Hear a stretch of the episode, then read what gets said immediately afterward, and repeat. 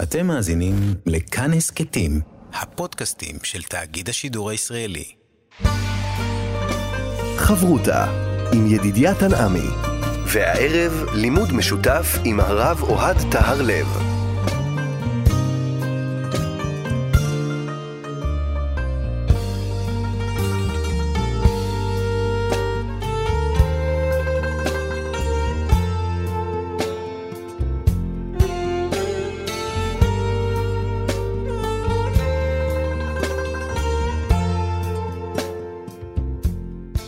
שלום כאן מורשת, חברותה, לימוד משותף עם רבנים ואנשי חינוך בנושא תנ"ך, הלכה ואמונה. היום אנחנו לומדים האגדה יחד עם הרב אוהד טהרלב, ראש מדרשת רות לידנבאום, מרבני בית הלל, וכאן ליד המיקרופון, ידידיה תנעמי, שלום לך כבוד הרב. שלום ידידיה לך ולמאזינים. הבאת לנו אגדה שעוסקת uh, בהגדרות של אנשים, ואיך אנשים מסתכלים על אנשים אחרים, ומתברר שזה כמו מראה, שכל הפוסל במומו פוסל. לכאורה. ההגדה שלנו נמצאת בפרק רביעי במסכת קידושין, עוסקת במשפחות מיוחסות. אה, המשנה אומרת שעזרא אה, העלה את המשפחות, אה, את הייחוסין מבבל לארץ ישראל. זאת אומרת, אנחנו יודעים שיש כהנים, לוויים, ישראלים, ממזרים, שלא יכולים לבוא בקהל השם. גרים, יש כל מיני ייחוסים. אה, עבדים משוחררים, נתינים, ומאז ומתמיד בעם ישראל הקפידו אה, לשמור על המשפחות, על הייחוס. על הייחוס. כי כהן לא יכול אה, להתחתן עם גרושה, וממזר לא יבוא בקהל השם, וכל מיני הגדרות כאלה למיניהם, והקפידו על הייחוס עד כדי כך שיש ויכוח בין חז"ל, האם בבל היא עיסה לארץ ישראל, או ארץ ישראל היא עיסה לבבל. זאת אומרת, איפה יש יותר משפחות נקיות, איפה יותר שומחים, איפה אתה יכול שאתה משדך, שעושים שידוכים אה, בין ילדינו, איפה אנחנו לא צריכים לברר מה קורה במשפחה ולהיות אה, רגועים. ותוך כדי הדיונים סביב הסוגיות של ייחוסין, אומרת הגמרא בקידושין, בדף ע עמוד א', כל הפוסל פסול, ואינו מדבר בשבחה לעולם, ואמר שמואל, במומו פוסל. זאת אומרת, כל מי שאומר על השני, אה, אתה פסול, אתה עבד, אתה ממזר, אה, ואתה לא מדבר בשבח השני, אומר שמואל, אתה בעצם בעצמך פסול. אה, אתה פוסל במום שלך. זאת אומרת, הביטוי כל הפוסל במומו פוסל בא ברקע של הנושא של משפחות ייחוסים. אה, ייחוס אה, זה קצת בעידן המודרני, מעורר לפעמים התנגדות, איפה mm-hmm. השוויוניות, איפה... אבל מאז ומתמיד אנחנו יודעים שאנחנו, על נושא הנישואין, כמו שאנחנו לא נתחתן עם גויים, ונשמור על המשפחתיות שלנו ועל השבט שלנו, גם ככה זה היה פעם בעם ישראל. ואז הגמרא מספרת סיפור שהוא קצת ארוך, אבל הוא סיפור מעניין, מרתק. כן. ההוא גברא, היה אדם אחד, דמנהרדעא, בא מנהרדעא, דעל לבי מטבחיא בפומבדיתא. איכשהו הסתובב בפומבדיתא, ונכנס לקצב לקנות בשר. אמר להו, הבו לי בישרא. אומר לה, עומד שם בחנות, אומר, רבותיי, אני מבקש בשר. אמרו ליה, אומרים המוכרים, נטר עד דשקיל לשמיא דרב יהודה בר יחזקאל, וניטיב לך. אומרים לו, אה, אה, אה, יש תור. יש תור. חכה, ניתן לשמיא, לשמש של רב יהודה בן יחזקאל, הוא עמד פה לפניך, ואז ניתן לך. אותו בחור מנהרדה כעס, אמר, מאני יהודה בר שוויסקל דקתים לי דשקל מן קמאי. מי הוא היהודה הזה, בר שוויסקל, שהוציא עליו מילה לא יפה, שקדם לפניי ולוקח לפניי? מי הוא בכלל? כן, מי אתה בכלל? שאני צריך לחכות בתור ואתה תקבל ממני. אז לו אמרו לי לרב יהודה. הולך השליח שלו, השמש שלו, שעמד לקנות לו בשר, ומספר לרב יהודה מה היה בחנות. שומע את זה רב יהודה. שמתי, נידע את אותו בחור מנהרדה. אמרו, מספרים לו עוד החבר'ה לרב יהודה, המקורבים שלו, רגיל דקרי אינשי עבדי. הוא רגיל לקרוא לאנשים עבדים. הוא מכנה שמות בלי בעיה, אומר זה עבד, זה עבד, זה עבד. אכריז עלי דעבדה הוא. מכריז אליו רב יהודה, כולם תדעו, הוא עבד. המשמעות שהוא עבד, אי אפשר להתחתן איתו, לא כולם מתחתנים איתו. כן, עבדים לא התחתנו עם ישראלים, עבדים יכולים להתחתן עם גרים, עם נתינים, אבל לא עם כל אחד. צריך להבין את המשמעות, שברגע שמכריזים על הבן אדם שהוא עבד, בעצם גם על צאצאיו. אזל ההוא, אז מני לדינא לקמי דרב נחמן. הלך לרב נחמן, שהיה חתנו של ריש גלותא, נשוי לאישה המפורסמת בשם ילתא, היה אמרא דאתרא, והזמין אותו לדין תורה לפני רב נחמן. מה פתאום אתה אומר עליי שאני עבד? מה שנקרא הוצאת דיבה, לשון הרע. כן? הייתי פיתקא דהזמנה. שלחו זימון לרב יהודה לבוא לדין תורה, לנהרדה. אזל רב יהודה לקמי דרב הונא. הלך רב יהודה להתייעץ עם רב הונא שהיה אמר דארתרא בפומפודיטה. אמר לי, איזל או לא איזל? תגיד, ללכת או לא ללכת?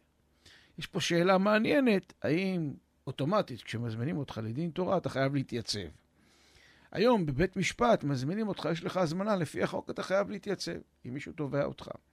אבל דין תורה, הרי שלושה רבנים mm-hmm. יכולים לשבת, וזאת שאלה טובה, זו שאלה יותר אה, דתית מאשר חוקית, אבל כרגע לא ניכנס. אבל הוא התלבט, מה פתאום שאני אלך, איזה כל איזה ארכי פרחי מזמין אותי לדין תורה.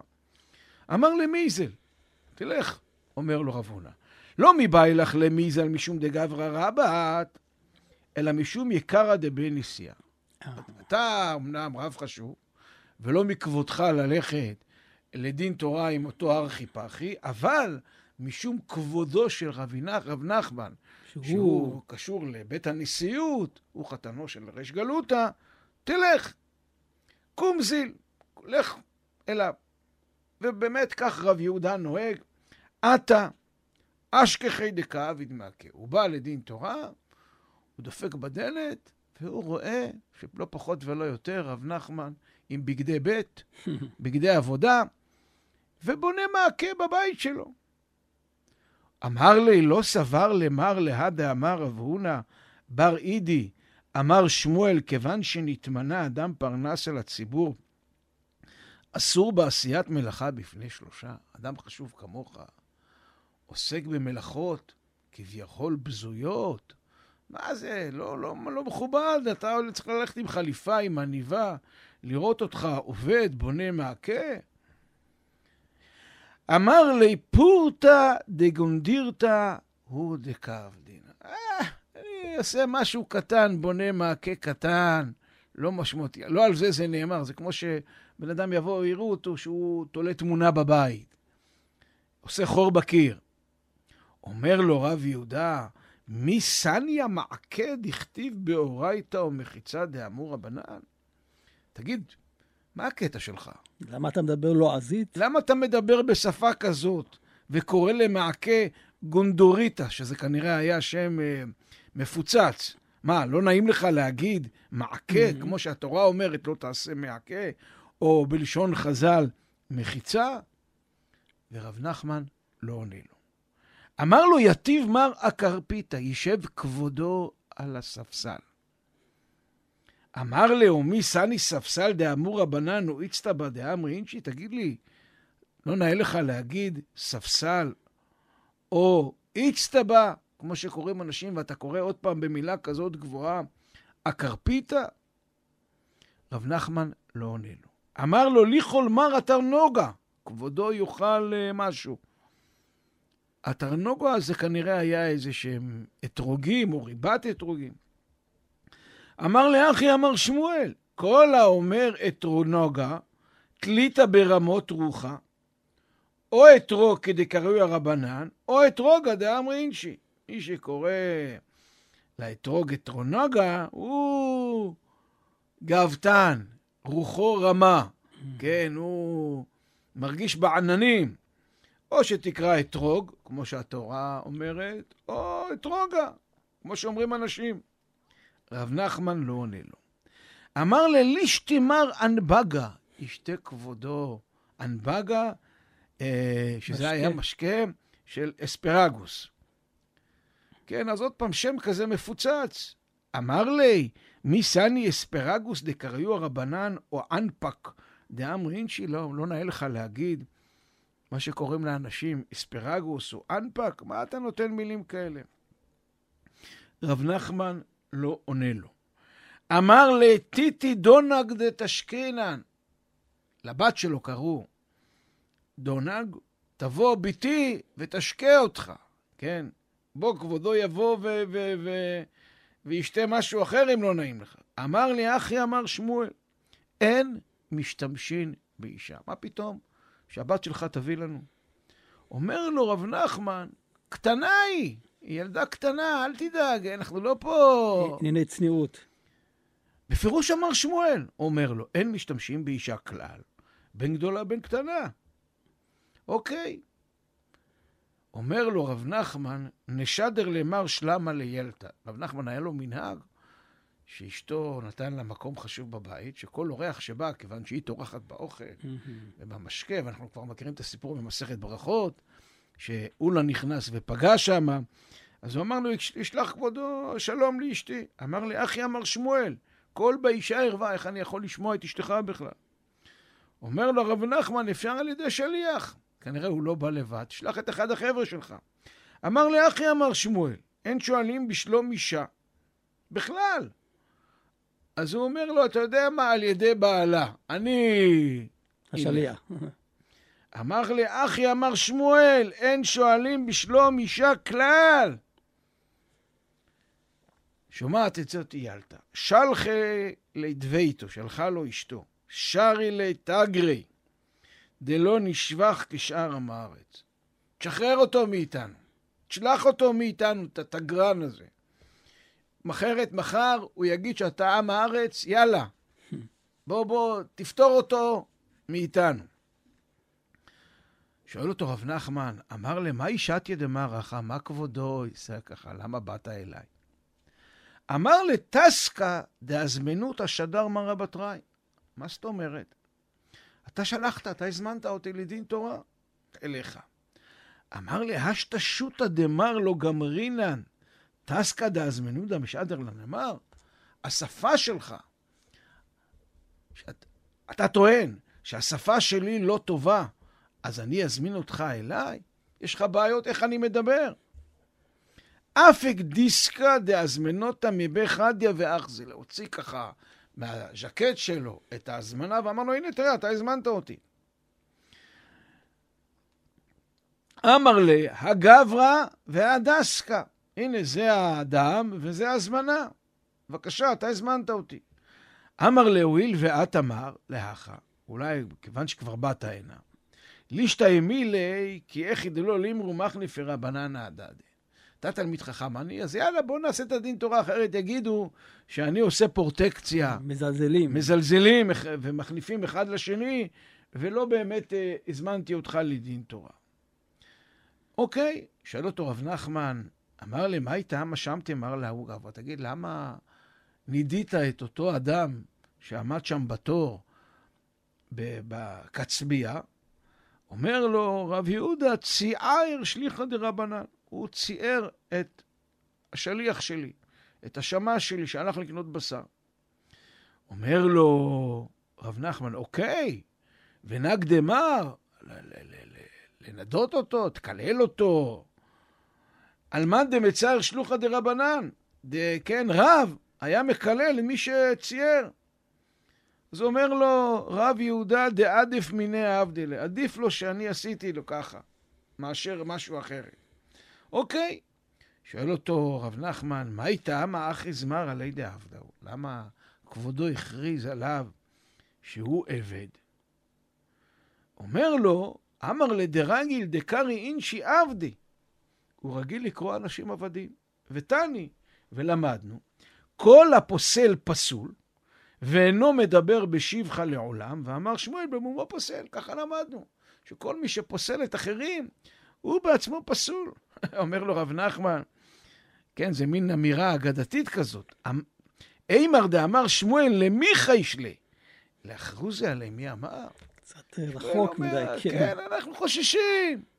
כי לא סתם הוא אמר, אבל זהו בגלל שהוא אמר, אתה מכריז עליו וקבעת, יש לך הוכחות? אוקיי, עד האחי ואחי, תוך כדי כך. עתה ההוא ברדינא מנהרדה. נכנס... התובע. התובע, הבחור הזה שהשמיץ את רב יהודה, ורב יהודה אמר עליו שהוא עבד, לדין. אמר להוא ברדינא, אומר לו התובע לרב יהודה, לדידי קראת לי עבדה? דעתינא מבית חשמונאי מלכה, אני הפוך, יש לי ייחוס. אני באתי מבית חשמונאי.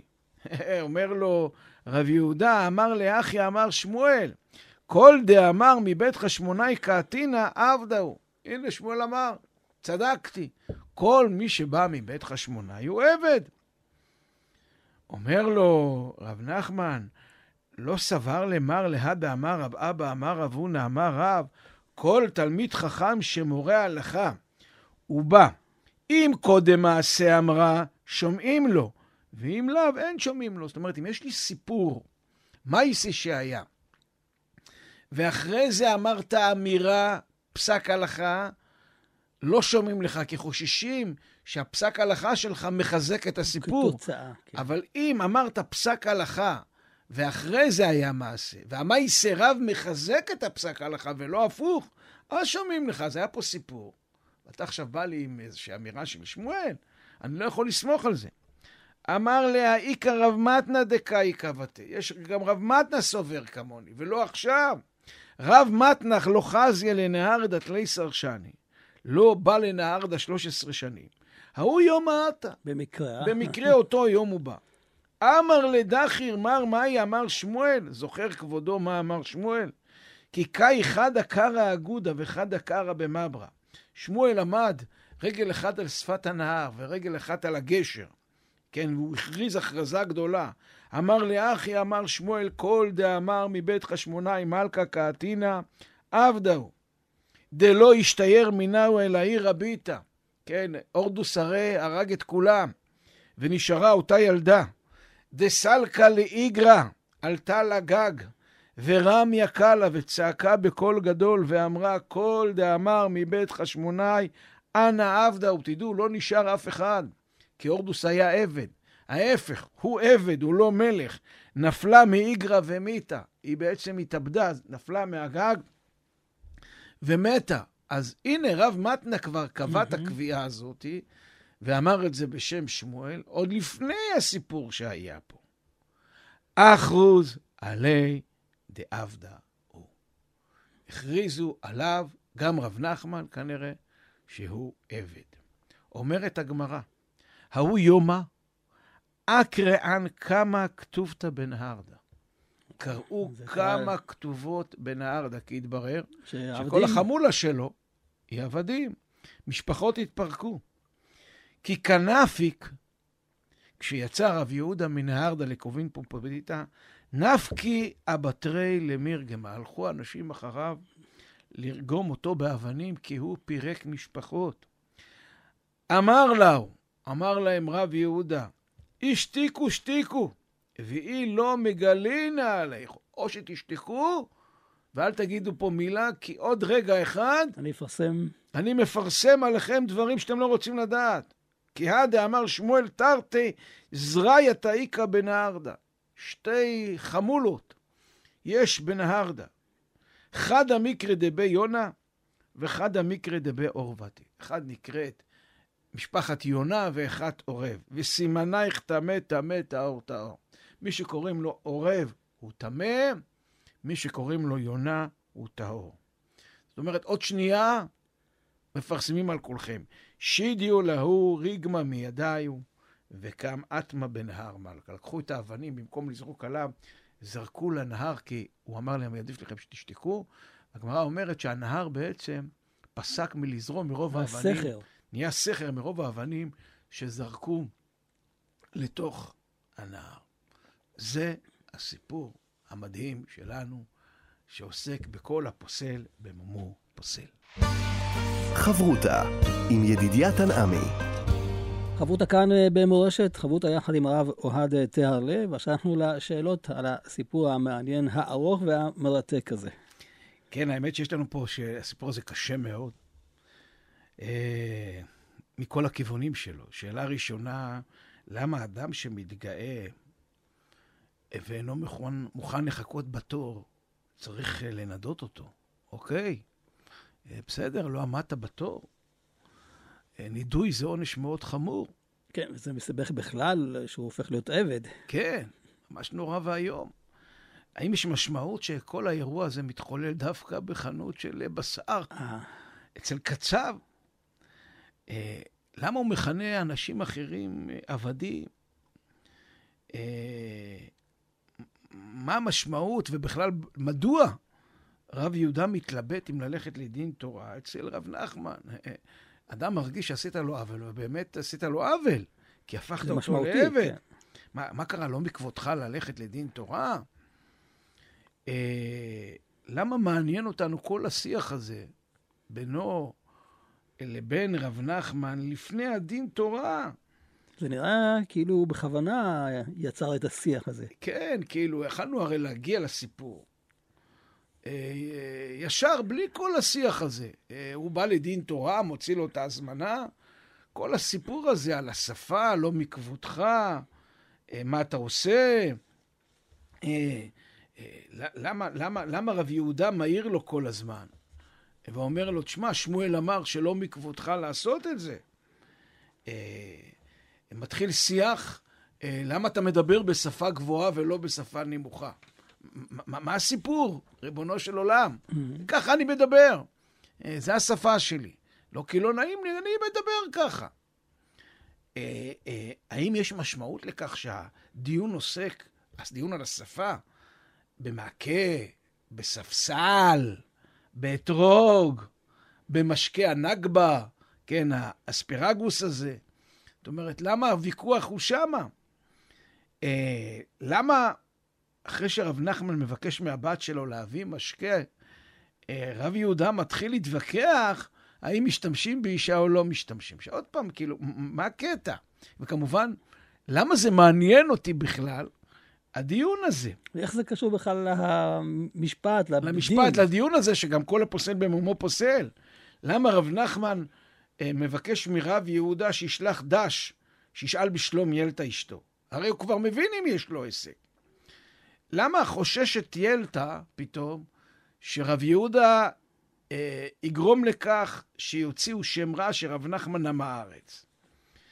אה, למה רב יהודה לא עונה לשאלת רב נחמן? הרי אין פה שטות. בסדר, מה שאמר שמואל, כל הפוסל במומו פוסל, זה חשש, זה לא קביעה, ואתה קבעת קביעה. אה, יש פה, פתאום נכנס פה דיון הלכתי, שהקביעה הייתה שמה שאמר שמואל, כל מי שבא מבית חשמונאי הוא עבד, זה היה לפני הסיפור.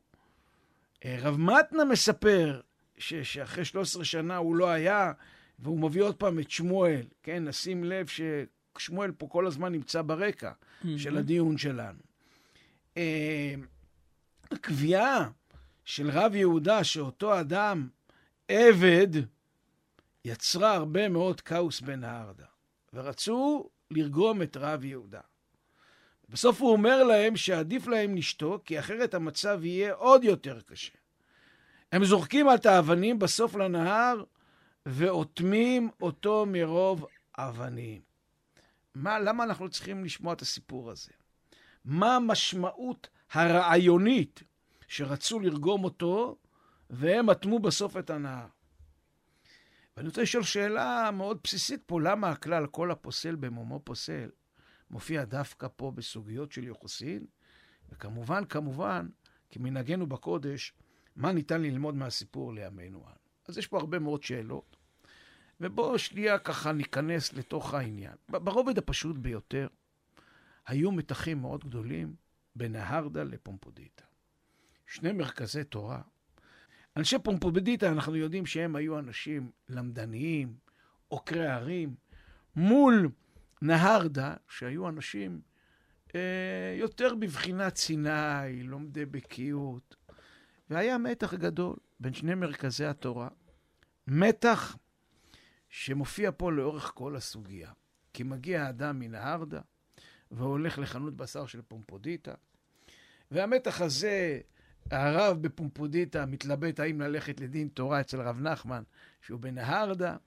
כן, כל הזמן יש פה מתחים mm-hmm. אה, מתחת לפני השטח, אה, בכל התחום הזה, מה קורה פה, מה, מה, בין שני המרכזי התורה האלה. אבל לפני שניכנס לסיפור, בואו ניכנס שנייה למושג כל הפוסל במומו פוסל.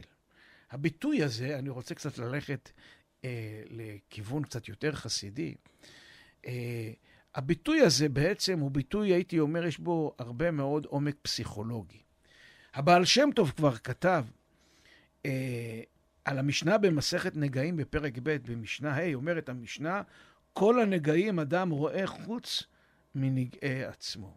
זאת אומרת, אתה יכול לראות נגעים של אנשים אחרים, להחליט האם זה נגע טמא או לא, אבל את שלך אתה לא יכול לראות. כי אתה נוגע. כי אתה, במובן הפשוט, אתה פשוט לא יכול לראות. אתה לא יכול לראות את הנגעים בגב שלך. Mm-hmm. בא בעל שם טוב, גם כי אתה נוגע, כי אתה כן. נוגע בדבר. כן, כן, כן. בא בעל שם טוב ופירש, ככה כותב עליו דברי שלום, כל הנגעים שאדם רואה חוץ, mm. זה מנגעי עצמו. זאת אומרת, הפסיק, לא, לא כל הנגעים שאדם רואה פסיק חוץ מנגעי עצמו, אלא כל הנגעים אדם רואה חוץ, שאדם רואה מבחוץ. תדע לך שזה בא מנגעי עצמך. למה אתה רואה את הנגעים האלה? כי בך יש את הנגעים. כי כל הפוסל במומו פוסל. אם אתה רואה נגע, משהו שלילי אצל מישהו אחר, אתה לא סתם רואה את זה. כי יש לך אותו, לכן אתה, נכון. הראייה שלך היא כזאת. המשקפיים שלך הם כאלו. במילים אחרות, ככה כותבים כל תלמידי הבעל שם טוב, כל אחד במקומו הוא, שמישהו נקי לגמרי, ואין לו מומים, והוא לא פגם אף פעם בשום דבר, הוא לא יראה רע בשום אדם. או שישמע מרע שיעשה איזשהו אדם. כי הקדוש ברוך הוא לא יזמן לו לראות רע ולשמוע שום רע. ולכן, כשאדם רואה, ככה טוענים תלמידי הבעל שם טוב, איזה איש שעושה דבר רע, או שמספרים לו על מישהו שעושה רע, שידע שלא סתם זה בא, אלא יש בש... אצלו משהו. זאת אומרת, הקדוש ברוך הוא מזמן לו איזשהו מראה, בוא תתקן את עצמך. כן? יש לך אופציה לתקן את הפגמים, כי אחרת לא היית רואה. כי אתה יכול להסתכל על אנשים, אנחנו מסתכלים על אנשים, על... בכלל, אדם רואה מה שהוא בוחר לראות כנראה, כי הוא לא רואה כל דבר.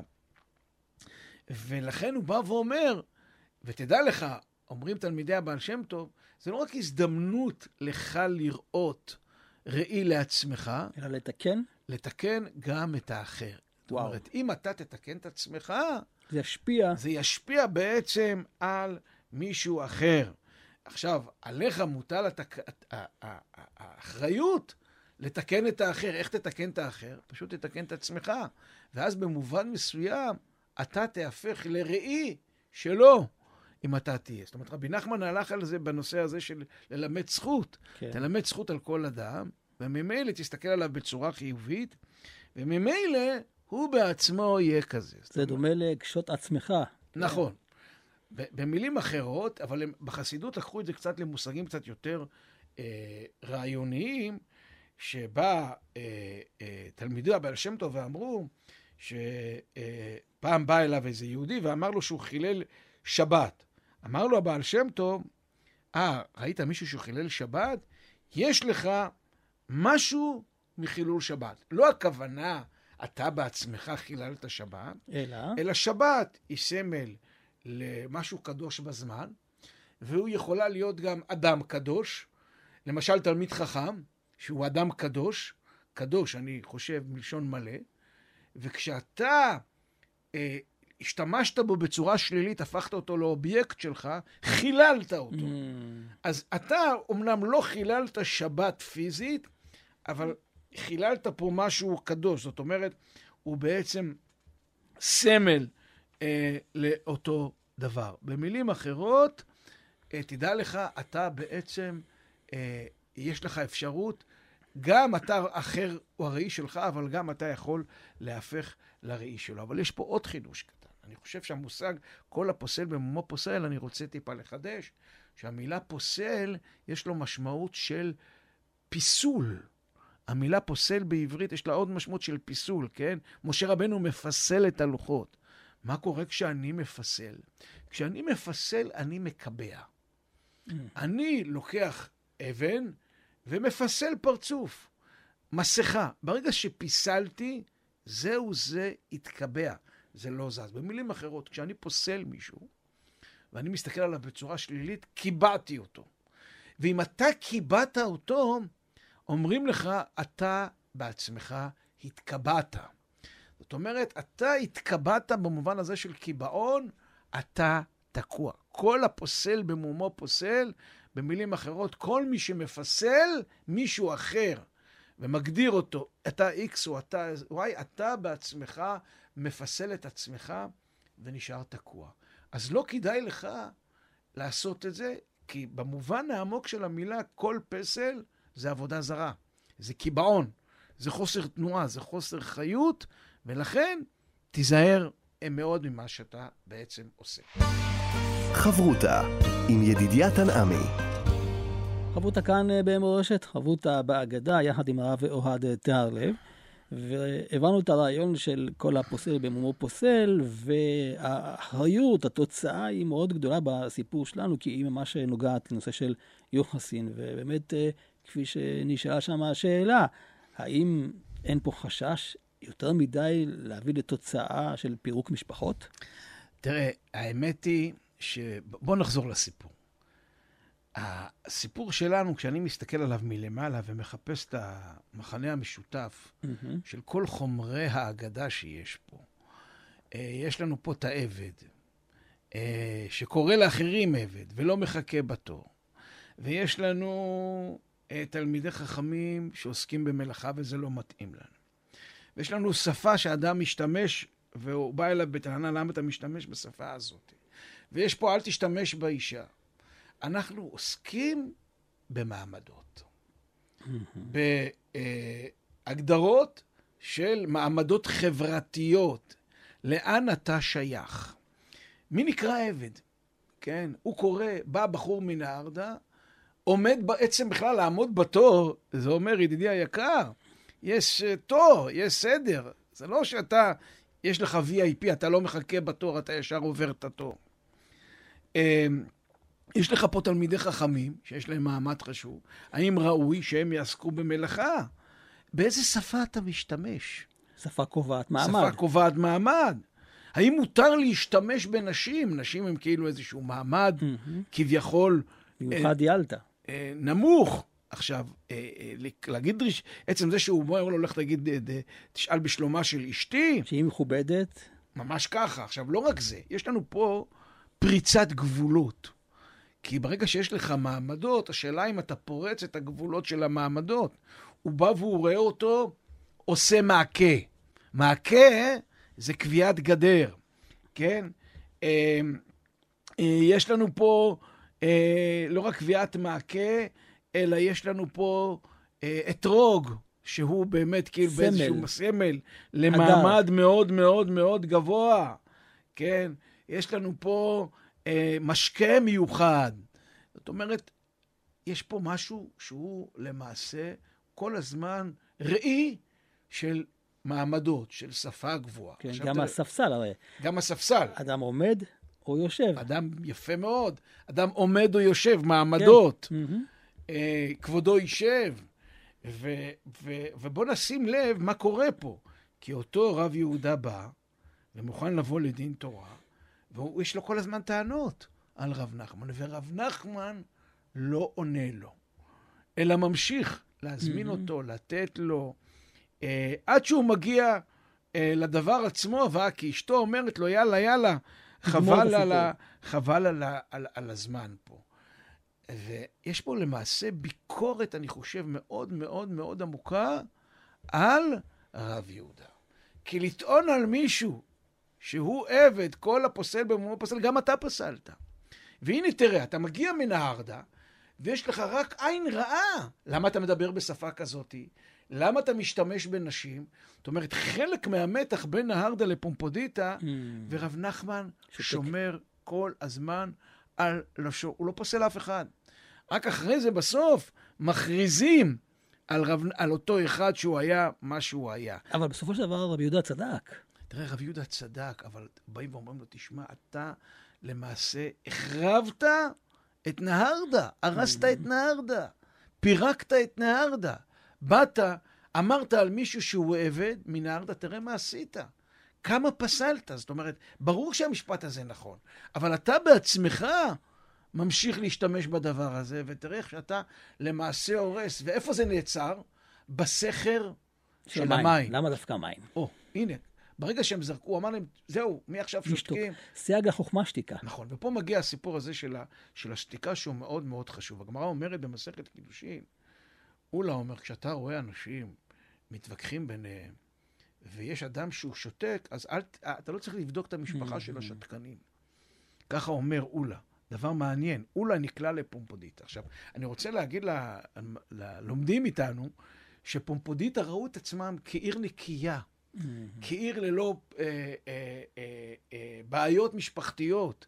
בניגוד לנהרדה, שאני לא יודע אם אנשי פומפודיטה אמרו על נהרדה או באמת היה כאלה, וזה חלק מהמתח. איזה משפחות פה יותר נקיות. ואולה בא ואומר, כשהוא נקלע לפומפודיטה, אם אתה רואה אנשים מתווכחים, אלה ששותקים הם בוודאי ה... נקיים. הנקיים. למה? מסביר המהר"ל, השותק, שהוא לא מגלה את פסול המשפחות, הוא המיוחס.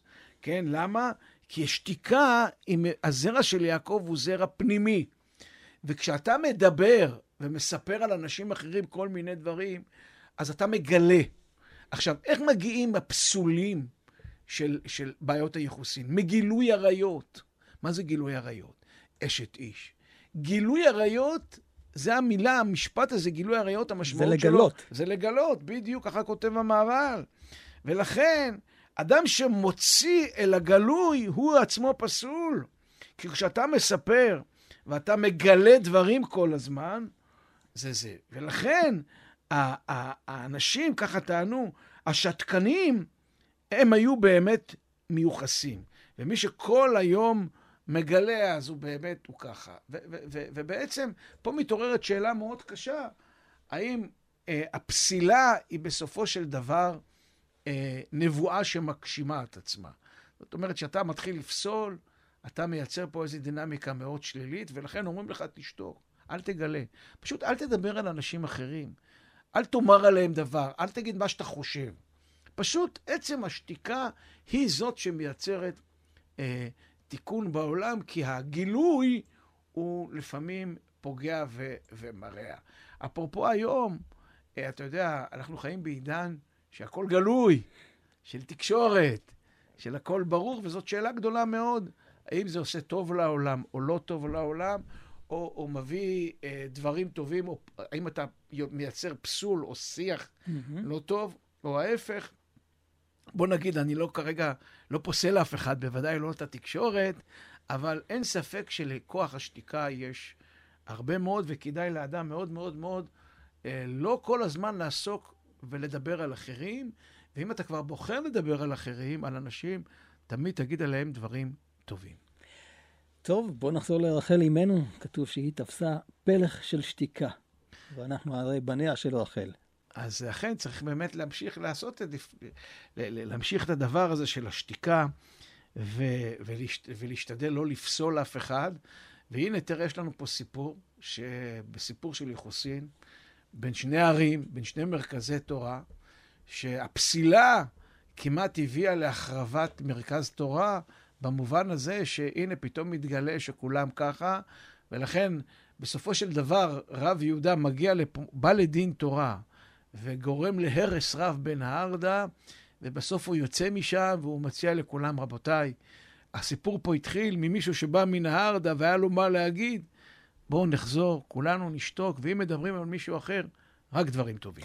תודה רבה לך, הרב אוהד טהרלב, ראש מדרשת אות לידנבאום, רבני בית הלל, כאן ידידיה תנעמי. אנחנו עוד נשוב וניפגש בחברות הבאה. ערב טוב לך ולמאזינים. ניתן להאזין לתוכנית הזאת באתר כאן מורשת ובשאר יישומי ההסכתים. אתם מאזינים לכאן הסכתים, הפודקאסטים של תאגיד השידור הישראלי.